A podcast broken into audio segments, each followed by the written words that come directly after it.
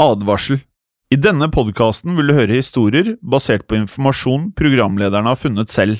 Programlederne står ikke nødvendigvis inne for meninger og syn som fremstilles. Noen påstander kan avvike fra virkeligheten.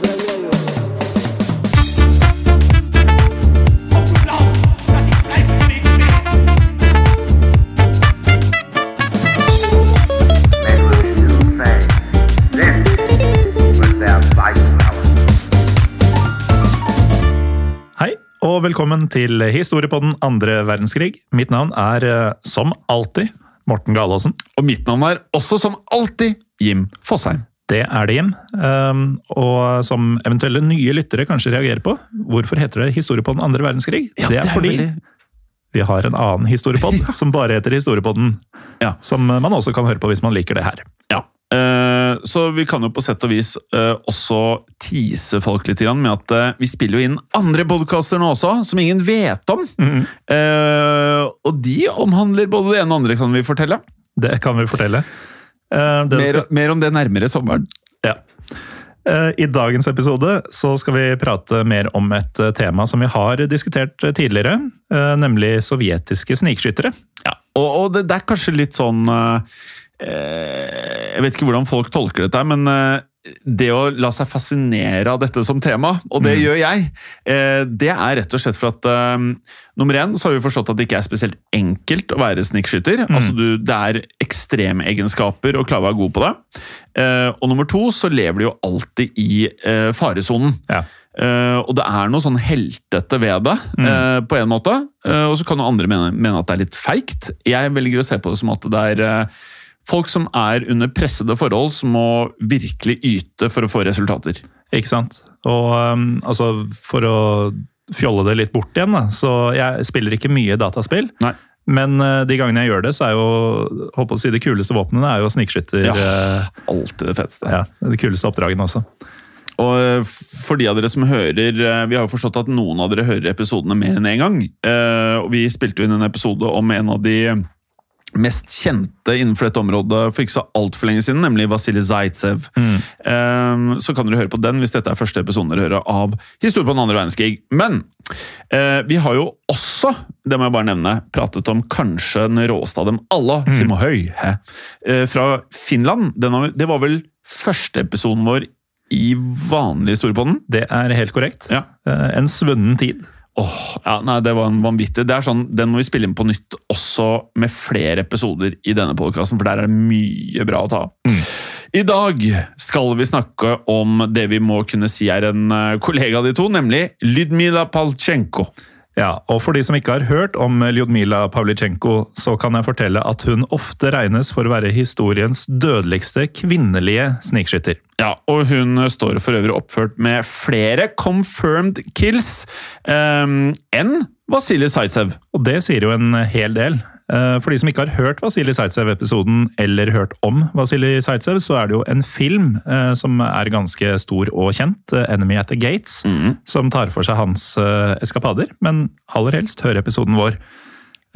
Uansett, nøyaktig hvor høyt antall det er snakk om, det skal vi høre etter hvert. Men først så skal vi, mm, som vanlig, skru klokka tilbake til der det hele starta. Ja, som i dagens episode er eh, tilbake til eh, et eh, Altså, det er jo et område nå hvor det skjer mye, og det er eh, sørgelige tider for ukrainere flest, selvfølgelig. Mm. vi skal til den ukrainske byen Bila Tsjerkva, som ligger i nærheten av Ukrainas hovedstad, Kyiv.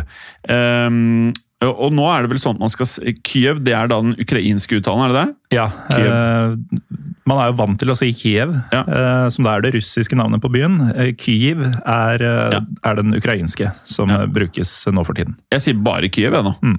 Eh, og her ble da nemlig Ludmila Paltsjenko født den 12. juli 1916 som datter av to russiske foreldre, altså fabrikkarbeideren Mikhail Belov og skolelæreren Jelena Belova.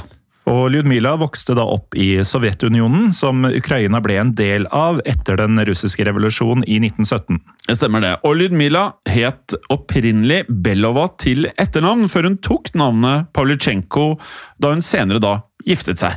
Ja, men før vi kommer til det, så kan vi si noen flere ord om oppveksten. For Ljudmila skal da ha beskrevet seg selv som det hun kalte en guttejente, en tomboy om du vil, i barndommen. Og I denne forbindelse så skal hun ikke ha vært en mønsterelev på skolen, for hun var eh, faktisk langt mer interessert i idrett, og ikke minst skyting, enn hun var i skolearbeid. Ja, og Slik vi skjønner det, så skal dette ha begynt med at Ludmilas eh, familie flyttet til Kiev da hun var 14 år gammel. Der meldte hun seg nemlig inn i en lokal skytterforening. Visstnok var dette etter at øh, hun hadde hørt nabogutten skryte av sine skyteferdigheter, noe som motiverte Ljudmila til å selv lære seg å skyte. Ja, og I denne forbindelse så skrev hun senere noe sånn som følger I set out to show that a girl could do as well as him, so I practiced a lot. Eh, og med dette så sier jo Ljudmila da at hun har ambisjoner, eh, og hun øvde veldig mye etter hva vi kan forstå. Eh, så mye at man eh, etter hvert eh, kunne kalle seg da en amatør skarpskytter. Og hun skal nemlig ha mottatt den sivile utmerkelsen Vorolosjilovskij-Strelok. Vorosjilovskij Strelok. eh, som bevis da på geværferdighetene sine. Og denne utmerkelsen kan oversettes til Voroshilov-skytter. En eh, tittel som for øvrig var oppkalt etter Kliment Voroshilov, som var en av de mest høytstående offiserene i den sovjetiske hæren på dette tidspunktet. Og som vi skal høre, så skulle jo da Ludmila etter hvert havne i nettopp den sovjetiske hæren under annen verdenskrig. Men før vi kommer dit, så kan vi jo fortelle litt om hva hun gjorde i årene før dette her, da. Ja. I 1932 så giftet Ludmila seg nemlig i en alder av bare 16 år med en lege ved navn Aleksej Pavlitsjenko, mm. som da er grunnen til at hun tok det til etternavn. Det samme året som paret gifta seg, fikk de også en sønn eh, som fikk navnet Rostislav. Ja, Men ekteskapet, det mm, som eh, i veldig mange episoder av disse podkastene våre, så varer det ikke spesielt lenge. Eh. Altså Når en eh, lege, som du da må anta er litt opp i årene, gifter seg med en 16-åring, Ja. er ikke nødvendigvis grunnlag for uh Ikke nødvendigvis. Ikke nødvendigvis. Jeg tror faktisk Jerry Lewis han giftet seg med sin var det 14 eller 15 år gamle niese eller kusine. Hun var faktisk bare 13, Jim. Ja, såpass? Ja, og de holdt også dette ekteskapet gående i nettopp 13 år. Ja. Mm. ja, ja. Tilbake til historien. Eh, da paret skulle skille seg, så skal Ludmila ha flyttet hjem til foreldrene sine. Og hvem som da fikk barneomsorgen, det har vi ikke helt klart å finne ut av. Men det vi vet, er at Ludmila så skal ha begynt å gå på skole på kveldstid, mens hun på dagtid arbeidet på en eh, våpenfabrikk i Kiev. Og i 1937 så startet Ludmila å studere historie på et av universitetene i Kiev. Planen var å utdanne seg til å bli skolelærer, men samtidig så skal hun også ha drevet med studentidrett og konkurrert i både sprint og stavsprang. Og I tillegg så hadde da Ludmila på denne tiden et uh, lite opphold i Den røde armé, som jo da var navnet på den sovjetiske hæren, som sikkert mange vet. Og Der skal hun ha hatt et eh, seks måneder langt skoleringsopphold, der hun da trente på å være nettopp snikskytter. Som jo var en ferdighet eh, det kjapt viste seg at Lyudmila fikk bruk for. 22.6.1941 ble nemlig Sovjetunionen invadert av Nazi-Tyskland, og dermed starta det som skulle bli en desperat sovjetisk forsvarskamp. Ja, det er riktig det, og ettersom de tyske styrkene til å begynne med nærmest overkjørte de sovjetiske eh, styrkene, så ble det da snart eh, klart at det, det ville kreve en eh, vanvittig kraftanstrengelse for å stoppe nazistene. Ja, for det Hitler sendte mot sovjeterne, det var jo ikke småtteri. De eh, tyske hærstyrkene som gikk til angrep langs hele den tysk-sovjetiske grensa, besto nemlig av hele 3,8 millioner soldater, 4300 stridsvogner, 4400 krigsfly og over 7000 artillerienheter. Det er vanvittige tall. Ja, altså 3,8 millioner soldater. Det er så vilt. Det er nesten hele Norges befolkning. Mm. Um, og siden dette angrepet, da, som tyskerne som vi har pratet om mange ganger i podkasten her, eh, kalte Operasjon Barbarossa, eh, hadde kommet som en total overraskelse, så rykket den tyske hæren frem med vanvittig eh, tempo. Og målet var jo da å um, erobre den eh, sovjetiske hovedstaden Moskva. På veien dit så tok tyskerne seg gjennom alt av sovjetisk forsvar og tok millioner av krigsfanger. Og høsten 1941 så, så det lenge ut som om Sovjetunionen skulle kollapse totalt.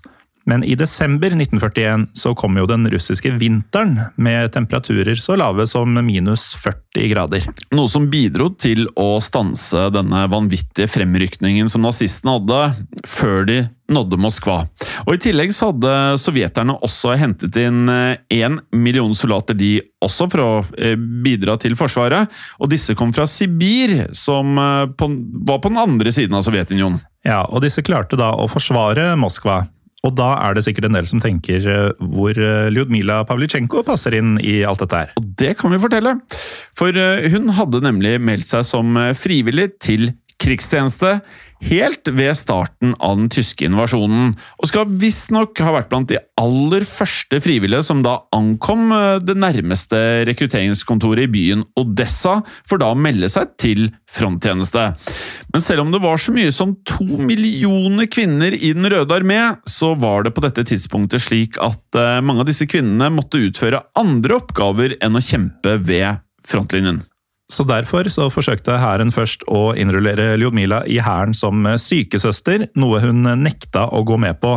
Men da det ble klart at hun faktisk hadde gjennomført flere kurs som snikskytter, så ble Ljudmila til slutt sluppet inn i Den røde armé i nettopp den rollen. Ja, hun ble da en av hærens om lag 2000 kvinnelige snikskyttere. Men selv om Lydmila ble overført til eh, en avdeling som da skulle tjenestegjøre ved frontlinjen, så fikk hun ikke akkurat det beste utstyret fra starten av. Og det her kan man jo også høre om i en episode vi har av vanlig storbånd, som heter Nattheksene. Mm med kvinnelige eh, russiske piloter som fikk noen vanvittig dårlige fly. Ja, Og fikk utrolig mye ut av de dårlige flya sine. Og dette med å gi kvinnene dårlig utstyr var kanskje et forsøk på å presse henne og de til å likevel gå med på å bli sykepleier. Ja, for Ljudmila skal nemlig først eh, kun ha fått utdelt én enkelt håndgranat, eh, ettersom det hadde oppstått utstyrsmangel. Og I tillegg så ble hun holdt utenfor kampene som foregikk, og tvunget til å observere kampene på avstand i stedet. Seinere i livet så skulle Ljudmila for øvrig utgi en selvbiografi, og i denne sammenheng så kan man lese noen av hennes egne tanker rundt akkurat dette, eh, riktignok på engelsk. Ja, Hun skrev senere noe sånn som følger. It was very frustrating to have to observe the course of battle with just a single grenade in one's hand. Det kan vi jo selvfølgelig forstå. Ja. Men selv om hun ønsket å være med og kjempe, så gjorde tankene henne på mange måter nervøs. Eh, og noe Ludmila eh, beskrev mer i detalj på følgende vis. I knew that my task was to shoot human beings. In theory, that was fine, but I knew that the real thing would be completely different. Men det var en sperre som Ljudmila snart skulle komme forbi. Den 8. august 1941 fikk hun nemlig tak i en rifle fra en såret medsoldat, og siden denne soldaten ikke lenger kunne bruke denne rifla, så skal han derfor ha gitt den til Ljudmila. Ja, og her øyner vi starten på noe, Morten. Noe stort. Ja, øh, for dette var en modell av det man på russisk kalte Vintovka Mosina, som er en rifle som hadde vært i bruk i de russiske og sovjetiske hærene siden ja, langt tilbake i tid. 1891. 50 år gammel, da. Modellen var ca. 50 år gammel, men heldigvis for Lydmila så var akkurat denne mest sannsynlig produsert en gang rundt 1940. Ja, eh, Men uansett så var denne rifla f.eks. ikke utstyrt med kikkertsikte, som jo kommer godt med om man er snikskytter. Ikke nødvendig, riktignok. Eh, hvis vi husker Simo Heihe, så hadde vel ikke han det heller. Nei, han tok det med vilje ikke med, fordi han ville ikke at solen skulle kunne reflektere i glasset. Mm. Men de aller fleste snikskyttere foretrekker jo et kikkertsikte, Mm. og um, denne rifla kunne i tillegg bare romme fem kuler om gangen. Ja. Eh, likevel skulle Ludmila snart vise at hun hadde et enormt talent for å håndtere nettopp dette geværet. Og siden hun fortsatt eh, ikke hadde fått være med i kamp, så benyttet Ludmila sjansen da det en eh, dag da ble holdt en slags audition når det gjaldt skytterferdighetene hennes.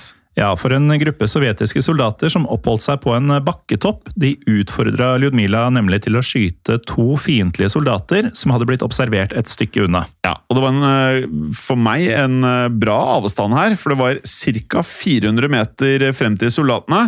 Og Ludmila hun skal ha skutt begge disse to soldatene uten å nøle! Så her, her vitner vi om en person som eh, hun, hun var innstilt på å få til dette. altså. Hun var klar. Hun var klar, Um, og dette gjorde at uh, Ljudmila, i medsoldatenes øyne i hvert fall, gjorde seg fortjent til en solid dose med respekt for skytterferdighetene. Og derfor fikk hun endelig utdelt en rifle med kikkertsikte, før hun endelig ble sendt ut i kamp sammen med de andre snikskytterne. Ja, og på dette tidspunktet så hadde Ludmila fortsatt ikke vært i eh, Altså Hun hadde jo skutt disse to soldatene, hun hadde ikke vært i ordentlig kamp. Eh, altså noen som skjøt tilbake. Så da hun for første gang eh, opplevde å bli skutt på av nazistene, så skal Ludmila derfor først ha stivnet av frykt. Eh, helt til en tysk kule drepte en eh, sovjetisk soldat som hadde tatt dekning like ved siden av henne. Ja, Senere så beskrev Ljudmila følgende om sin egen reaksjon på denne soldatens eh, død. He was such a nice, happy boy, and he was killed just next to me. After that, nothing could stop me. Og med det så gikk eh, Ljudmila for fullt inn i kamphandlingene. Allerede samme dag så skal hun ha tatt livet av to tyske speidere som var ute på et eh, såkalt rekognoseringsoppdrag i området Ljudmila befant seg i. Altså hun, eh, Man får inntrykk av at hun vokser fort inn i rollen. Altså fra total stivhet til å begynne å skyte ned soldater fra andre siden på ja, samme dag. Mm. Å se folk rundt seg bli skutt eh, Jeg tror ikke alle kommer så raskt inn i rollen. Nei. Eh, For deretter så ble også avdelingen hennes kastet rett inn i kampene som raste rundt eh, den eh, ukrainske nevnte havnebyen Odessa, som både nazistene og sovjeterne anså for å være eh, et viktig strategisk område. Og De tyske styrkene de begynte derfor å beleire byen i i et forsøk på å innta den. Og det var her at Ljudmila virkelig skulle utmerke seg. For eh, i løpet av de to og en halv månedene som hun kjempa ved Odessa, så skal Ljudmila ha skutt 187 fiendtlige soldater. Et tall som skal ha inkludert 100 offiserer, altså 100 tyske offiserer. Eh, Dette tilsvarte tre såkalte confirmed kills hver dag i gjennomsnitt. Noe som sørga for at Ljudmila ble forfremmet til sersjantmajor. Ja, og I tillegg til dette skal hun også ha giftet seg eh, på nytt rundt dette tidspunktet med en annen sovjetisk snikskytter. Ja, og det er jo rart å tenke på hvordan man skal få tid til å finne kjærligheten oppi dette her. Ja, det er ikke så jeg, Ja, jeg er helt enig. Eh, Vi husker fra Nattheksen også, så var det jo en av disse eh, pilotene som ble skutt ned, faktisk. Som da møtte eh, personen hun da endte opp med å gifte seg med. Eh, og denne snikskytteren som hun da giftet seg med, var en ved navn Aleksej Kitsjenko. Eh, men lykken den skal dessverre ha blitt kortvarig, ettersom Aleksej ble truffet av en tysk granateksplosjon kort tid etter at de hadde giftet seg. Han døde da få dager senere. Ja, og man kan jo da forestille seg at Ljudmila ble ekstra motivert til å hevne seg på nazistene. For etter dette så skulle hun nemlig få has på flere og flere fiendtlige soldater, noe som ble omhyggelig dokumentert. Ja, og i denne sammenheng så Vi nevnte jo i episoden om Vasilij Zaitsev at eh, det var slik at snikskytterne i Den røde armé faktisk måtte fylle inn et skjema hver eneste dag, der de da skulle oppgi hvor mange fiender de hadde skutt. Ja, Og dette skjemaet måtte også signeres av et vitne. Men Ludmila hadde da tydeligvis ikke noe problem med å få fylt inn slike skjemaer, da hun etter hvert ble overført til en ny del av krigsfronten. For etter at det ble klart at de sovjetiske styrkene ikke lenger ville klare å forsvare Odessa, så ble nemlig avdelingen hennes flyttet til en ny by. En ny by og en ny beleiring. Eh, Denne gangen så beleira nemlig tyskerne Sevastopol, som også er en strategisk viktig havneby som ligger på Krimhalvøya. Ja, og der deltok hun i forsvaret av byen i hele åtte måneder, altså nesten et år. Eh, Og etter hvert som Ludmila da tok livet av flere og flere fiender, så ble hun også gitt det man kan kalle mer krevende arbeidsoppgaver. Hun fikk nemlig som oppgave å ta seg av fiendtlige snikskyttere. Ja, og det resulterte i at Ljomila skal ha utkjempa flere snikskytterdueller, der hun lå på lur og forsøkte å finne og drepe tyske snikskyttere, før hun selv ble drept av disse. Og igjen, Enemy at the Gate, så er jo, det er jo litt av det filmen går ut på. Ja, Mm. Eh, hun skal senere ha forklart eh, eh, Eh, denne oppgaven på følgende vis. Sniping is dangerous because we are hunted as well as hunters. The presence of a sniper can demoralize troops and everything is done to get rid of him with concentrated fire from all arms, even artillery, when his exact position is known, or by setting snipers of their own against him. A considerable part of my action has consisted of duels with enemy snipers. Det er ganske hardt! Ja, og som man skjønner, så var jo sånne snikskytterdueller en jobb som krevde ekstrem forsiktighet og ekstrem tålmodighet, noe Ljudmila selv beskrev.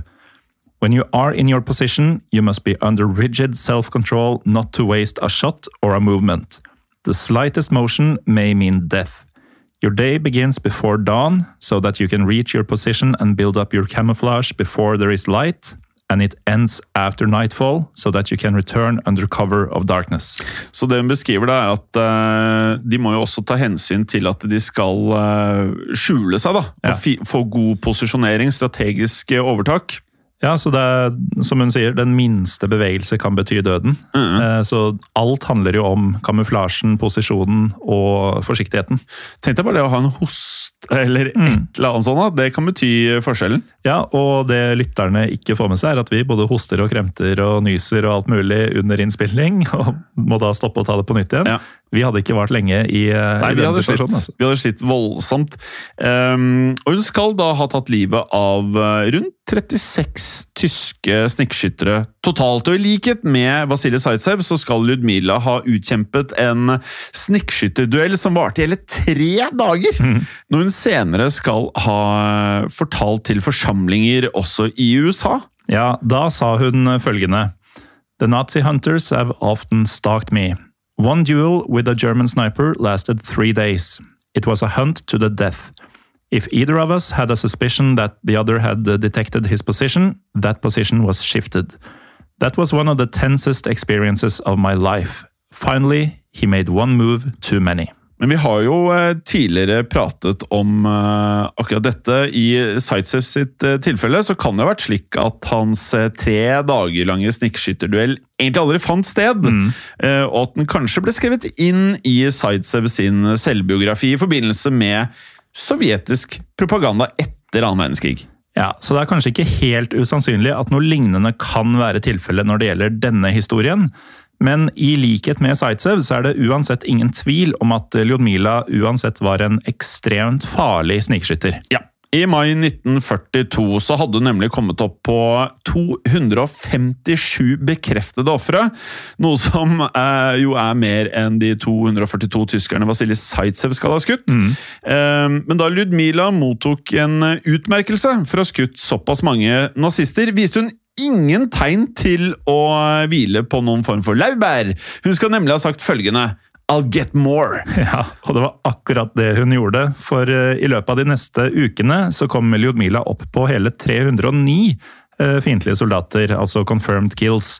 Noe som eh, skal ha gjort at tyskerne virkelig ble redde for Ljudmila, som på dette tidspunktet skal ha fått et kallenavn som kan oversettes til Lady Death, eller Frau Tod, som man kanskje ville sagt på tysk. Ja, det er sånn, det merket vi også med nattheksen. altså Det blir kalt natteheksen. Ja, na Nachtheksen, eller ja. Altså, du kan jo se for deg liksom stakkars eh, soldater på alle sidene her. sant? De er ute i feltet her, det er kuler, alle kanter. Det er sikkert kjempekaldt, og det er mørkt. Og, og så blir jo sånne, nettopp som Lydmila, blir sånn my myteomspunnet da, eh, hos fienden. Eh, tyskerne de annonserte derfor at de eh, måtte gjøre noe med eh, Lady Death eller Frau Todd. I andre episoder vi har hatt om eh, snikskyttere, Morten, så har det jo ofte endt med at eh, de har fått en pris på hodet sitt. At eh, man ønsker å drepe dem. I tilfellet til eh, Frau Todd så var det noe annet som ble oppmuntret oppmuntrende til. Ja. For nazistene de annonserte at dersom eh, Ludmila, eller eh, Lady Death, eh, ville skifte side, så kunne hun få lov til å bli en tysk offiser! Ja.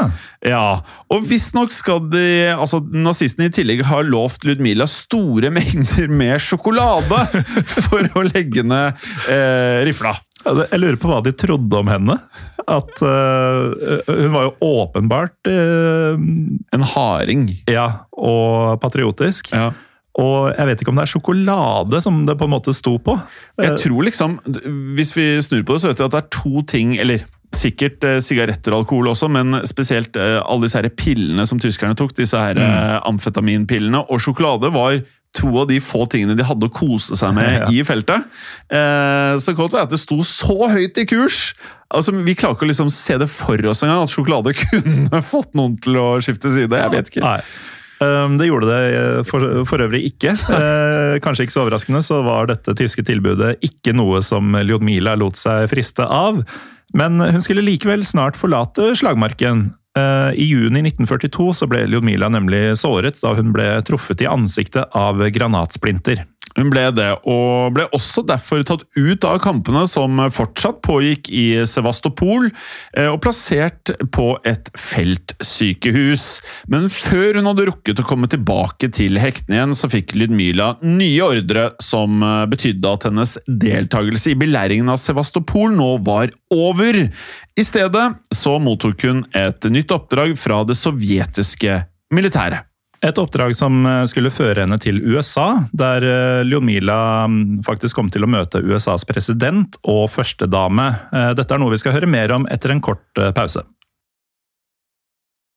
Velkommen tilbake. Før pausen nevnte vi jo at eh, Ludmila fikk en ny rolle som skulle ta henne til USA.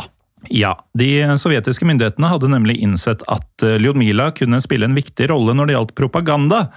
Og Derfor ble hun hentet ut av sykehuset hun lå på, etter eh, om lag en måned. Før hun da deretter ble sendt ut på det som skulle bli en PR-turné i USA. Og her må vi jo nevne at eh, USA hadde gått inn i andre verdenskrig først i desember 1941, da landet ble angrepet av Japan. Og da erklærte også Tyskland krig mot USA, som igjen gikk inn for fullt på de allierte sin side. Noe som førte til at USA, Storbritannia og Sovjetunionen kriga på samme side. Og for Sovjetunionen så var det viktig å opprettholde et godt forhold til de andre allierte, særlig da USA.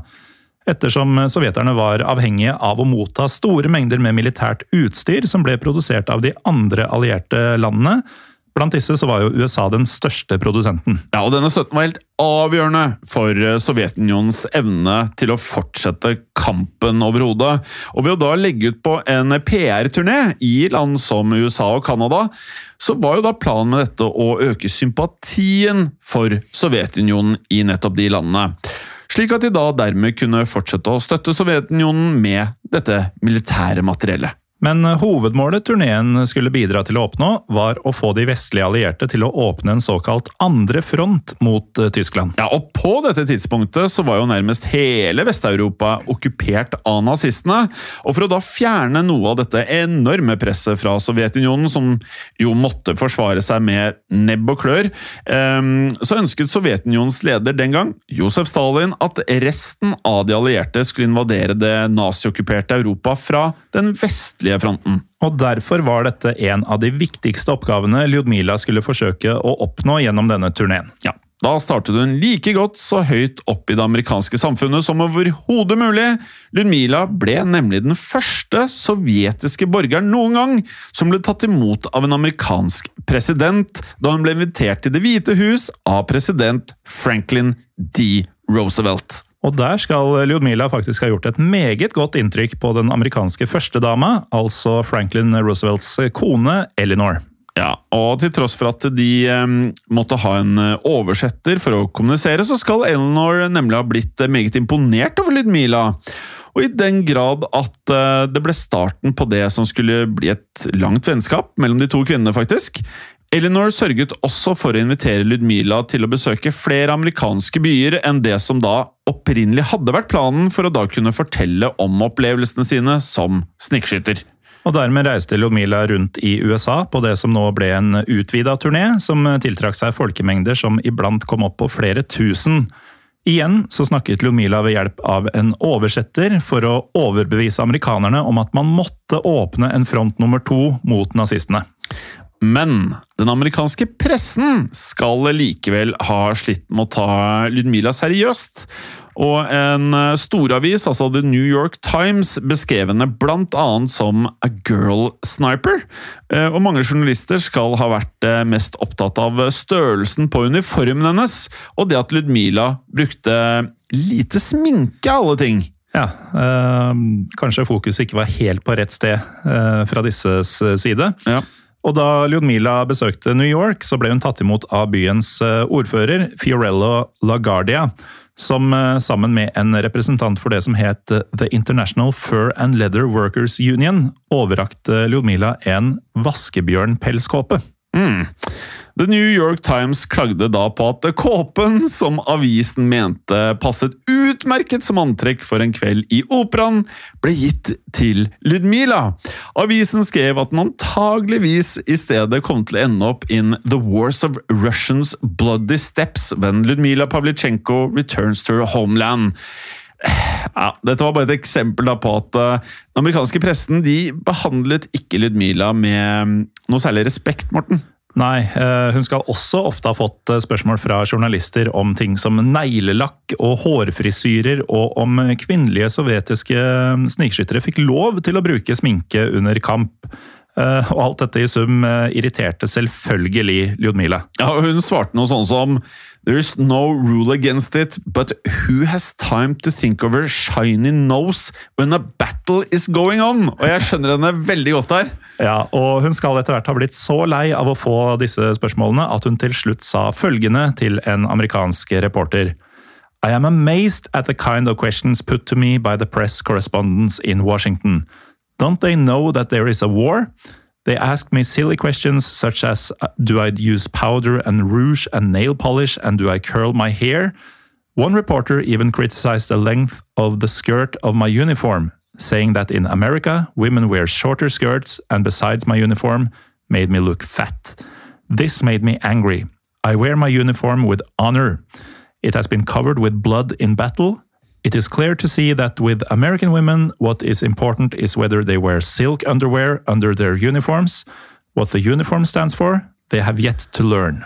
Ja, det, Hun er ikke blid, og med rette. Ja, hun har jo helt rett i dette her. Ja, og Ludmilla hun eh, satte mm, til slutt foten ned for eh, den type tåpelige spørsmål. I mm, en tale hun holdt i Chicago, skal hun nemlig ha sagt følgende I am 25 years old and I killed over 309 fascist occupants by now. Don't you think, gentlemen, that you have been hiding behind my back for too long? Åh, får nesten lyst til å applaudere. Ja, ja, hun er uh, rå, altså.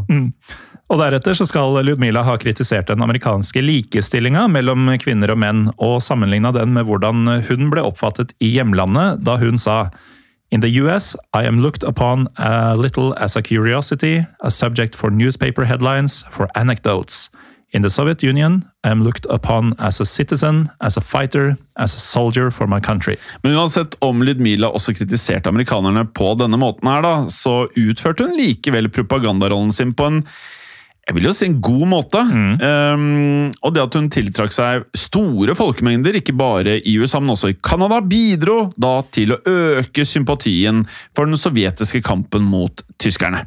Ja, og I den forbindelse skrev faktisk um, den populære amerikanske folkesangeren Woody Guthrie en egen sang til ære for Ljudmila. Sangen, som fikk tittelen Miss Pavlichenko, inneholdt bl.a. følgende strofer. Miss Pavlichenko's well known to fame, Russia's your country, fighting is your game. The whole world will always love you for all time to come. 300 Nazis fell by your gun. Ja, og Etter turneen i USA så reiste Ludmila så rundt i Canada, der hun holdt flere taler og igjen tiltrakk seg folkemengder. Og Deretter så gikk turen til Storbritannia, hvor hun da fikk en eh, mildt sagt entusiastisk mottagelse. Ja, Dette ble særlig tydelig da Ljudmila besøkte den engelske byen Coventry i november 1942. Hun skal da ha mottatt eh, 4516 britiske pund som en gave fra byens lokale fabrikkarbeidere. Dette er en sum som i dag tilsvarer hele 2,6 millioner kroner.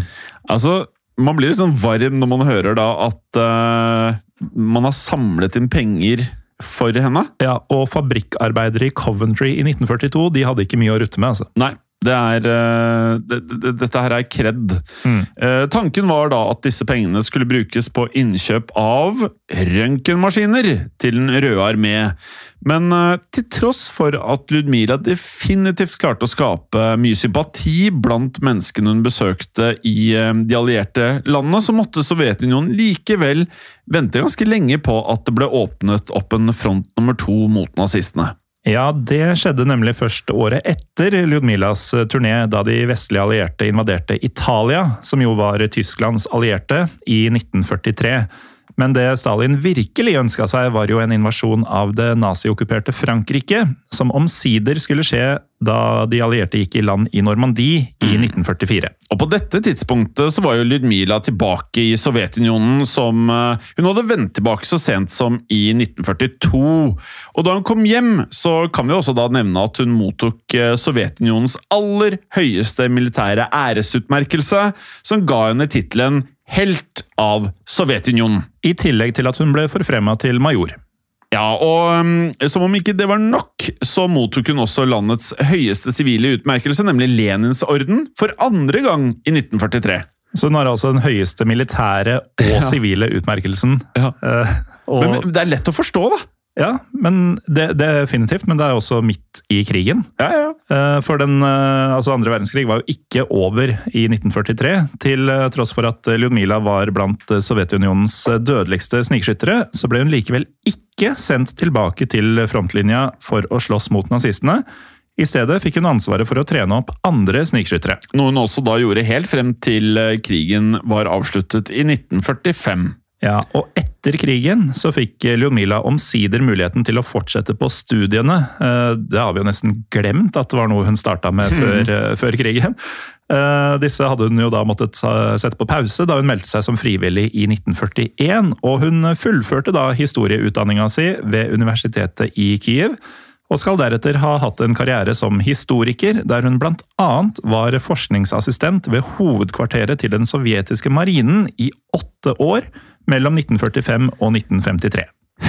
For en uh, kvinne, for en person. Mm. Ja. Kunne alt, hun. Um, og I tillegg så skal Lydmila også ha engasjert seg i en forening for sovjetiske krigsveteraner. Uh, men som krigsveteran selv så slet um, Lydmila også etter krigen, hun, med noe som ikke er uvanlig blant krigsveteraner, nemlig posttraumatisk stress, bedre kjent som PTSD. Ja, De krigsrelaterte traumene skal da ha gjort at Ljudmila både slet med depresjon og alkoholisme etter andre verdenskrig, og dette skal også ha blitt forsterka av sorgen hun opplevde over ektemannen Alexeis død tilbake i 1941. I 1957 skal Ludmila likevel ha fått besøk av USAs tidligere førstedame, Eleanor Roosevelt. Eh, Der Roosevelt under et besøk i Moskva eh, insisterte på å besøke Ludmila. Og da Roosevelt til slutt fikk viljen sin, så ble hun tatt med til den lille leiligheten der Ludmila bodde. Og der skal de to kvinnene ha kost seg sammen og mimret tilbake til tiden da de først møttes i 1942. Og når jeg, når jeg sier dette her, så jeg kan liksom se for meg sånn herre Du vet i filmer du har hatt liksom store, viktige personer, Mm. og så ser man når de blir eldre, så er det et eller annet sånn herre det er noe melankoli slash sørgelig slash Ja. koselig ved det hele. Mm. Du ser for meg scenen, og man blir jo litt sånn rørt uh, ved hjertet her, da. Ja, og I løpet av de 15 årene så er det jo grunn til å si at uh, livene til Roosevelt og Ludmila hadde jo tatt litt forskjellige retninger. Eh, så dette betydde nok mye for, eh, for begge to, eh, vil jeg tro. Eh, Etter dette så fortsatte Ljudmila å leve et enkelt liv i årene som fulgte, der et av høydepunktene var utgivelsen av denne selvbiografien hennes om eh, opplevelsene under andre verdenskrig. Men etter hvert så begynte helsa å skrante, og Ljudmila hun døde brått i 1974. Dødsårsaken skal, etter hva vi forstår, ha vært eh, et slag. Vi kan også legge til at eh, det etter Julmilas død ble gitt ut et eh, offisielt frimerke til minne om henne i Sovjetunionen, der hun ble husket som den krigshelten hun da var. Ja, Og ikke minst har hun blitt huska som landets dødeligste kvinnelige snikskytter. Og uavhengig om du er kvinne eller mann, en av de største snikskytterne noen gang. Definitivt. Så eh, nei, dette her eh, Jeg lærte mye. Jeg, var, jeg, jeg hadde hørt med henne før, det, før vi begynte å researche dette, men Mm.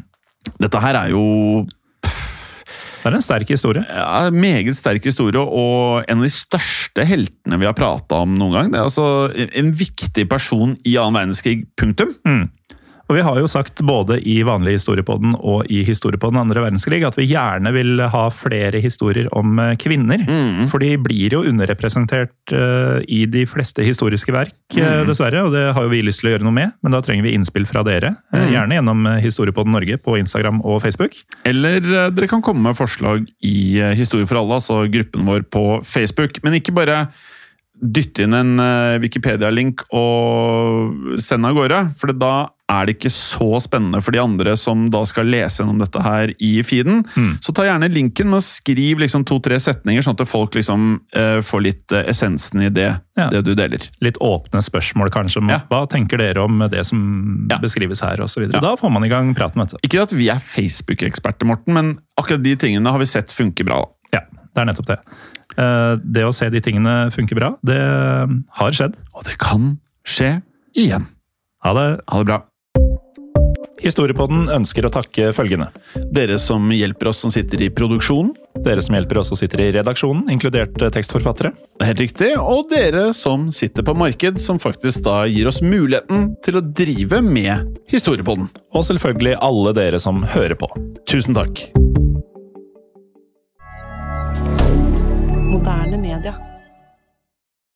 Kiwi er billigst i VGs matbørs og har vært billigst i fire av de fem siste VGs matbørser. Og nå presser vi prisene på frukt og grønnsaker. På 200 gram broccolini setter vi prisen til 24,90. På 400 gram Cevita blåbær setter vi prisen til 49,90. Og husk, alle Kiwi Pluss-kunder får i tillegg 15% trumfbonus på all fersk frukt og grønt. For det er vi som er prispresserne. Og vi i Kiwi gir oss aldri på pris.